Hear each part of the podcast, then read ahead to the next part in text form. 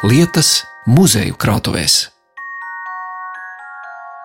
27. gadā toreizējais izglītības ministrs Rainis parakstīja Centrālajai zemes ierīcības komisijai lūgumrakstu piešķirt izglītības ministrijas pieminiekļa valdei 75 hektārus Jūglas ezera krastā bijušās Bonaventūras mūžas robežās. Un tas arī tika izdarīts. Un tad uzreiz, uzreiz 27. gadā tika nojaukta Rīzgurija, pārvesta ziemā un uzstādīta 28. gadā kā pirmā celtne. Ļoti jauks ievads esmu atbraukusi pilnīgā nelaikā, aiz loga plīkšķis, labs, lietus, slīpsvītra sniegs, un sēžam jūsu mašīnā un dodamies uz krājumu. Braukt priedus krogumu. Tā ir tā pati pirmā celtne, ko uh, cilvēki ienākot brīvdabas muzeja teritorijā, pa kreisi rokai arī redz. Jā, un jāsaka, ka priedus krogs sākotnēji bija ārpus muzeja teritorijas šeit ceļa malā. Un muzeja teritorija sākās tur augšā, kur tagad ir zāles dāvātais piemineklis, un aiz tā bija ieeja brīvdabas muzejā. Bet pats sākums bija krietni agrāk. 1924. gada 2. februāra pieminiekļa valdes sēdē tika pieņemts lēmums par priekšdarbu sākšanu, lai izveidotu brīvdabas muzeju. Sākotnēji lūkoja pēc vietas jaunajam muzejam gan ķeizarmežā, gan jaungulbenē, gan aizkrauklē. Tā stāsta etnogrāfiskā brīvdabas muzeja direktora vietnieks, galvenais krājuma glabātājs, vēsturnieks Mārtiņš Kuplais. Cilvēks, kura zināšanas gan par muzeju, gan Latvijas etnogrāfijas vēsturi ir enciklopēdiskas. Un šajā raidījumā, sagaidot Latvijas etnogrāfiskā muzeja simtgadi, paviesosimies muzeja krājuma telpās. Tur aplūkosim sudraba saktas, ar kādām agrāk rotājās turīgas zemnieces, klausīsimies svilpauniekus, uzzināsim, kā lāde no tīnes atšķiras, kāds izskatās latviešu krēsls un ko glabāja Vācelē un ko Cibiņā. Pabraucam garām tēlnieka Kārļa zāles skulptūrai Senlatvietis, kur zem šūnakmenī kaltās senā baltu vīrieša galvas ir lasāms muzeja moto, kas senatni pētīja, nākotni svētīja. Tad dodamies garām Usmas baznīcai, Kurzemes sētai, Vīdzemes sētai, garām smēdei, labā pusē atstājam kalnā esošās holandiešu tipa veidzirnavas, garām jaunsaimnieka mājai un nonākam pie neizskatīgas divstāvu ēkas, kura sevī slēpj tūkstošiem pagātnes dārgumu. Te ir krātuve, kas ir, nezinu, tā ir pagājušā gadsimta 80. gados, 90. un, un, un tā ir ļoti ilgā, ilgā periodā. 1970. gadā te bija tikai, tikai viens uh, šķūnis, nu, no kura faktiski attīstījušās visas tās krātos, uh, restaurācijas darbnīcas krātos un, un, vispārējais. Un tas viss ir pamazām taisīts. Un... Mārtiņš Kuplais man iepazīstina, kā pats teica, ar saviem rūtīšiem, kolēģiem, kas atbildīgs par konkrētām krātuvēm, un pirmā pietura ir tekstīlija krājumā, kur šoreiz vis nerunāsim par cimdiem, lakatiem, jostām, villainēm vai citiem apģērba gabaliem, bet gan sīkāk iepazīsim sudraba saktas, ko apskatēji sagatavojusi tekstīliju krājuma glabātāja Aija Vistere.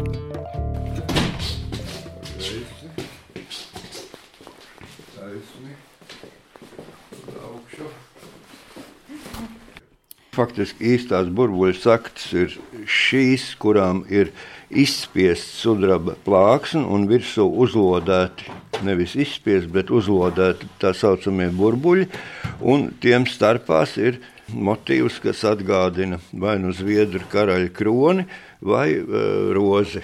Bumbulīts, un tad ir vai nu tā roze ļoti stilizēta, Jā. vai arī kronis. Tas Jā. viss ir 17. gadsimts, un pa malu, kā redzat, šīs izcirstās sirdis, kas ir arī populārs baznīcas un bezmaz folkloras motīvs. Un šādas saktas gatavoja cunftīgie Rīgas, Bauskas un Jelgavas vācu amatnieki priekš latviešu zemniecēm. Tās ir tipiskas zemnieču saktas, un pēc tam valkātājs ir vai nu zemgals, vai arī vidzemes Tā kā no Rīgas, jā, arī e, pie vidzemes tautas stērpa. Bet tad mēs runājam par turīgām latviešu zemniecēm, jo kura katra nevarēja atļauties tādu. Nu, nu jā, bet tā, tad, tādas bija zemnieces dzimbūšanas apstākļos, kuras varēja atļauties, kurām vīri varēja atļauties vai līgavaini nopirkt un, un uzdāvināt šādas saktas. Un te ir arī Gradzeni. Te ir gradzeni, un viens no šiem ir visinteresantākais. Tas ir tā saucamais derību gradzens. Paplats gradzens ar tādām trim tā kā rozītēm, ne Jā, rozītēm, un, ziedu rakstu. Un, un, un viņiem no vienas puses ir Tātad tā ir tā kā galviņa un rociņas šeit, ja? un no otras puses, respektīvi, tās savienotās rokas, ja, tā darībā. Tad tās dāvināja savai iecerētajai, nu, vai mēs varam, skāt? varam kā saka, minēt, domājams, ka tas tā bija. Ja? No, no kurienes tieši mēs skatāmies uz šīm burbuļu saktām, vai tas ir no kādas nu, vienas dzimtas vai vienas teritorijas? Lielākā daļa te nāk no ogras gala pagasta, no viena depozīta. Vai ir ziņas, kur to sudrabu toreiz pirka, no kā iegādājas, vai no tiem pašiem cuntas zeļiem? Nē, nē, tā tad amatnieki tie. Cunftīgie amatnieki, viņi, protams, šo sudrabu iegādājās no Rietumē Eiropas, no tirgotājiem. Tie bija īsti amatnieki. Te ir eh, vienai no tām saktām ir zīme iekšā J.H. Johans Šlechters, cunftīgs amatnieks. Ir arī saktas bez zīmēm, kas liecina, ka vai nu viņš ir nelegāli, viņa taisa, kāds amatnieks ir taisījis, vai tie ir tā saucamie kakta amatnieki, kuri nesastāvēja cunftē, arī tādi ir, ir bijuši. Mani interesē, jūs teicāt, nelegāli gatavojas. Ko tas nozīmē? Es pieņemu, ja, ka vai nu šeit sudraba provu, vai viņš kaut kādu iemeslu dēļ nevarēja pārdot, vai arī taisīja kāds no tiem zeļiem, ja, kurš tur nebija tajā cunftē. Zemnieks. Jā, nu, tā. tā un jūsu kolēģi tikām ir izlikusi vēl lielākas diametrā, cik te varētu būt nu, 20 centimetri, ne zem 20 centimetriem. Vai? Sprīdi, kā saka, liels sakts. Tas ir tā turpinājumā pie tām, pie derību saktām. Šeit arī ir sakrustotas rokas. Uz tās saktas tā gredzena ārējā, tur ir izkaltas, nu jā, sakrustotas rokas, tad mēs arī varam izteikt pieņēmumu, ka to tad kungs, jauns kungs savai iecerētai ir pasniedzis meiteni bildinot. Par to, mēs, par to mēs varam tikai pieņemt. Bet, bet šie simboli ir, ir pietiekoši daļrunīgi paši par sevi. No metāla gredzens ar cauru vidu diezgan liels diametrā un ar rotājumiem uz to plakni. Un ar zoslu vidū. Zosla ir tā sprādzīta. Jā, tā ar kuru Zosla. diezgan barbariski, jā, bet acīm redzot, tas bija salāgots, jā, lai varētu pie tās virlainas piestiprināt. Barbariski jādur cauri bija tam Jā, audumam. bet nu, es domāju, ka viņi to mācēja, kā saka, izdarīt.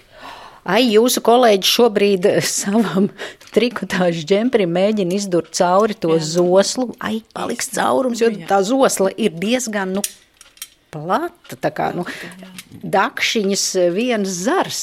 Bija arī tā, ka veidoja cilpiņas, iešuva cilpiņas, lai ar, ar tām cilpiņām varētu paņemt, lai nebūtu jādur gluži cauri.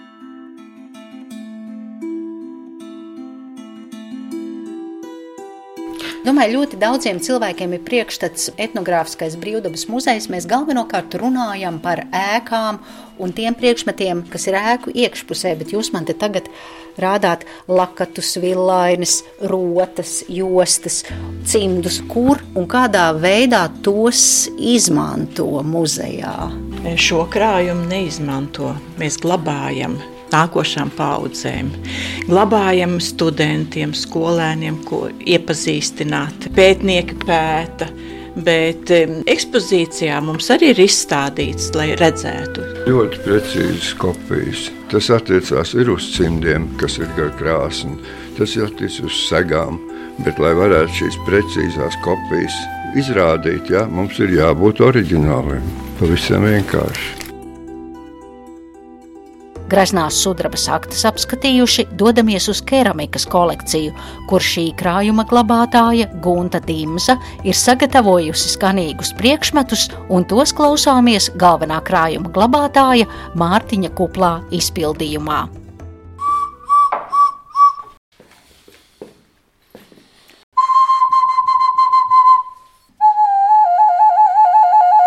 Es skatos uz tādu teiksmainu briesmoni, vairāk galvu puķi, ne puķi. Paulāna darbs.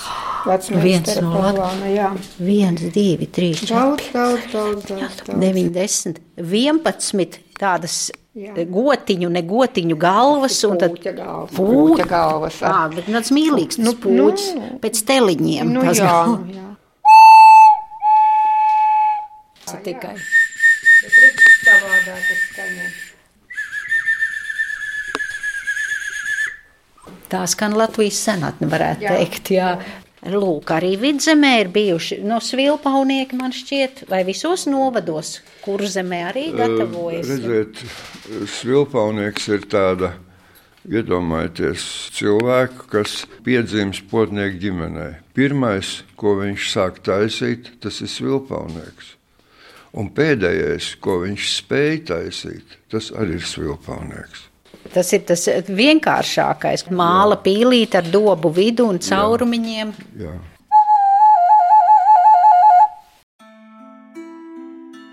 Ierasti daudzinot potnieku veikumu, mēs minam latgales keramiķus, bet ir arī zināmi vārdi no citiem novadiem. Vidzemnieks Jēkabs Dranda no Smiltenes puses, slavens ar saviem krāšņajiem rakstainajiem traukiem, un kurzemnieks Kārlis Valgemūts, pazīstams ar savām dzeltenīgajām smagnējām zaru kannām. Arī šī muzeja krājumā ir gan minēto vecmeistaru darbi, gan arī stāsts par Rucavas potniecības pēdējā pārstāvja Volgemūta darinātajām zaru kannām. Bet, Mārtiņ, jūs turat rokā vienu Gunta tur rokā. Jā, tā ir kurzemes zaru kanna, tā saucamā zaru kanna, un to principā iesāka kurzemnieki, bet es skatos, ka tagad arī bišķiņi ir vidzemnieki, Jā, nu, atdarina un taisa, bet principā pirmie, kas bija, tie bija kurzemnieki. un zaru, jo mēs runājam, tas no Jā, kannas jā. snīpja līdz maliņai augšējai ir tāds eh, pinumiņš, ko sauc par zaru, ja? Pareizi, es vienkārši tā skaļi. Zars bija Kurš ir zars? būtībā šī kanna atdarina koku. Te ir koka atdarinājums mālā.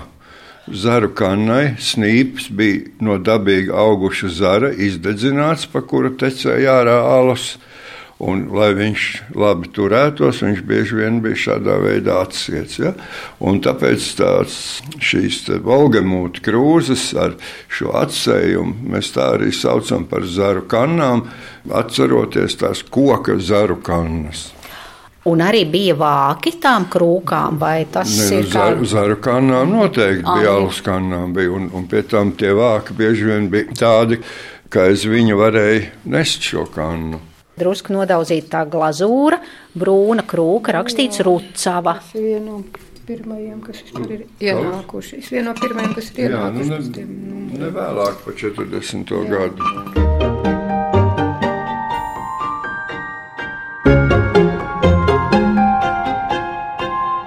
Vietu lietas. Atzīmējot Latvijas etnogrāfiskā brīvdabas muzeja simtgadi, mūsu ceļojums pa krājuma telpām turpinās, un nākamā pietura ir koka un metāla priekšmetu glabātuvē. Te būs īsais orientēšanās kurs mūsu senču taras trauku nosaukumos, uzzināsim, kas ir latviešu krēsls, bet sākumā iepazīstamies ar cienījama vecuma pūra lādi.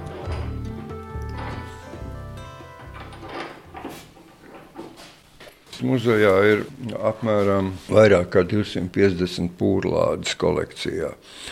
Bet šeit noliktavā kā sevišķi vērtīgi stāv pūlāde, kurā ir vecākais zināmais datējums lādei, kas atrasts zemnieku mājā. 1670.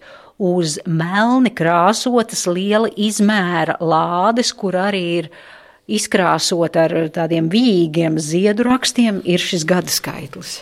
Tātad no visām zināmajām Latvijā zemnieku lādēm šī ir, ir visvecākā. Kā viņa šeit, vai viņa šeit ir kā viena pirmais, droši vien jau ka nē. Nē, nonākusi? Viņa ir, šī lāde ir nonākusi jau pirms 40. gada, un ar priekšmetiem, kas nonākuši muzejā līdz 40. gadam, mums ir ar to vēsturi tāda tā problēma, ka priekšmeti ir saglabājušies gandrīz visi caur kara laikiem, bet inventāra grāmatas un viņa apraksts nav.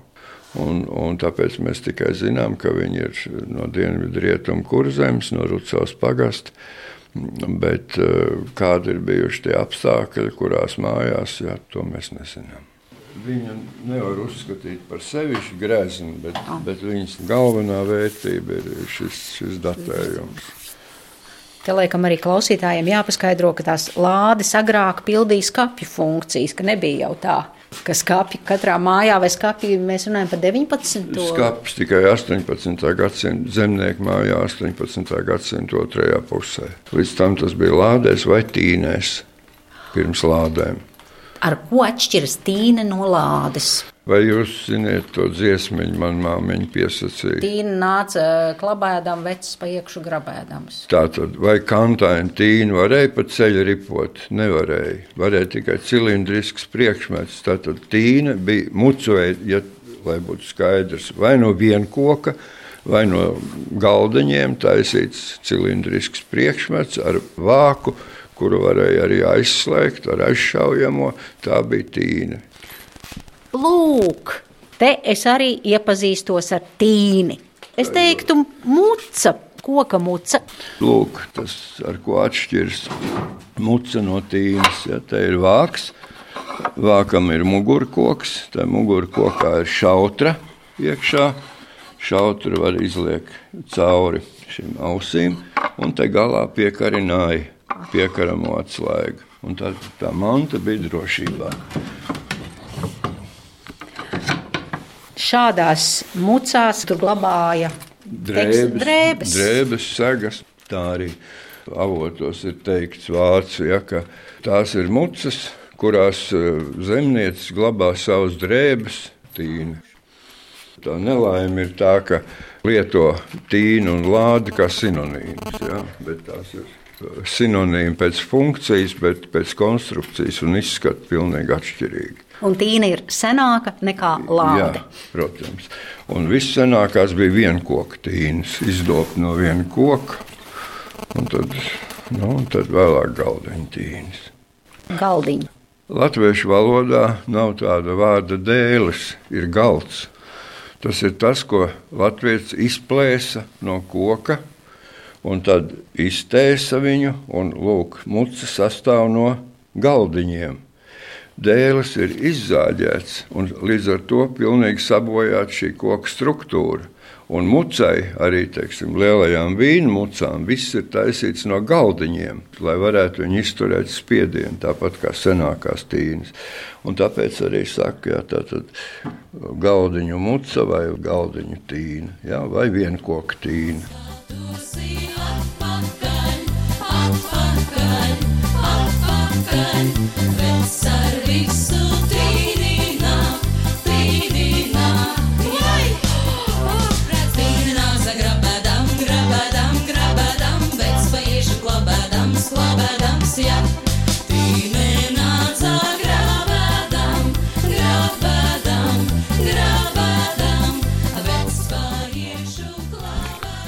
tikko es izslēdzu savu ierakstu aparātu, tā Mārtiņš Kuplēs man pajautā, kas ir vācelīte.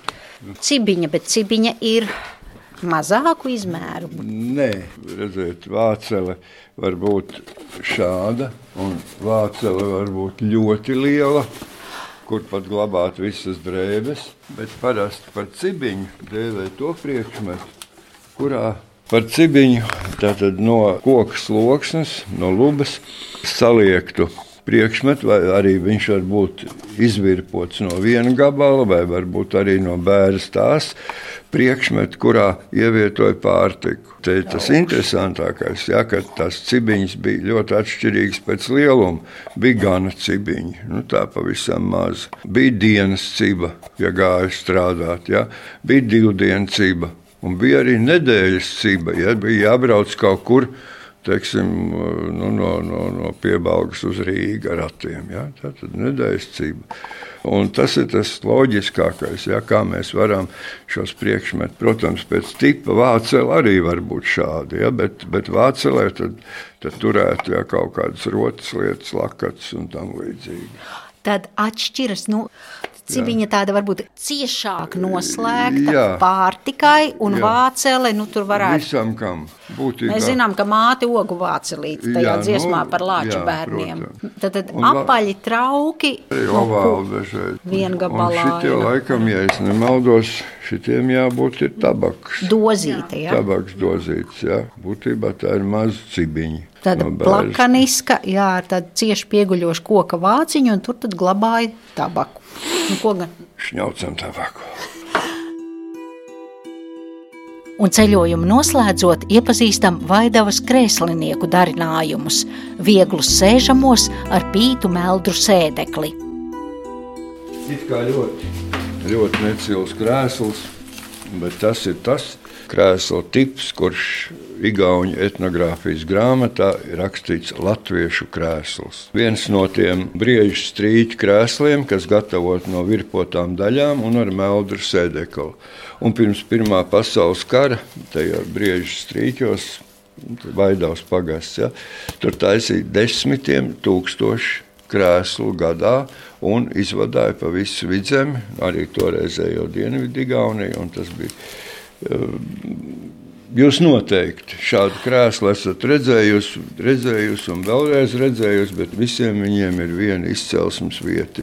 Tas ir kaut kas tāds, ko nekad nedrīkst aizmirst. Viņš ir diezgan pazems, tas krēsls. Viņi ir dažādi. À, dažādi augstumi, mm. dažādi eh, muguriņas augstumi.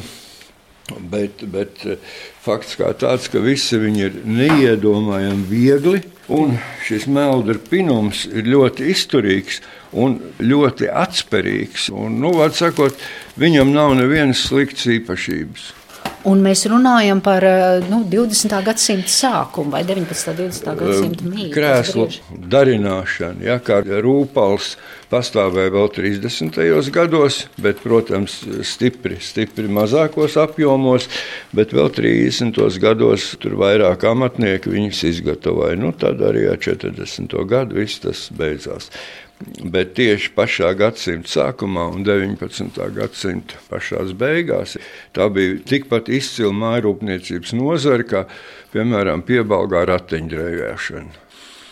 Un tad eh, var teikt, tā firmas zīme ir šīs virpotās detaļas, krēsla kājas un muguriņa un meldru pinuma sēdes. Un tas, ka krēsls ir ļoti viegls. Ļoti viegls. Arī sēdēšana ir ērta. Un... Ja pēc apraksta apjaušat, ka kādam no jums šāds krēsls atrodas mājās, šķūnī vai bēniņos, tad glabājiet to rūpīgi, jo tā ir liecība par latviešu krēslu darinātāju vēsturi. Tā teica vēsturnieks, etnogrāfiskā brīvdabas muzeja direktora vietnieks un galvenais krājuma glabātājs Mārtiņš Kuplais. Saku paldies viņam un visai muzeja krājuma glabātāju komandai par ekskursiju krātuvē un daudz laimes muzejam simtgadē novēl šī raidījuma veidotāja Zane Lāce Baltāksne. Vietu lietas.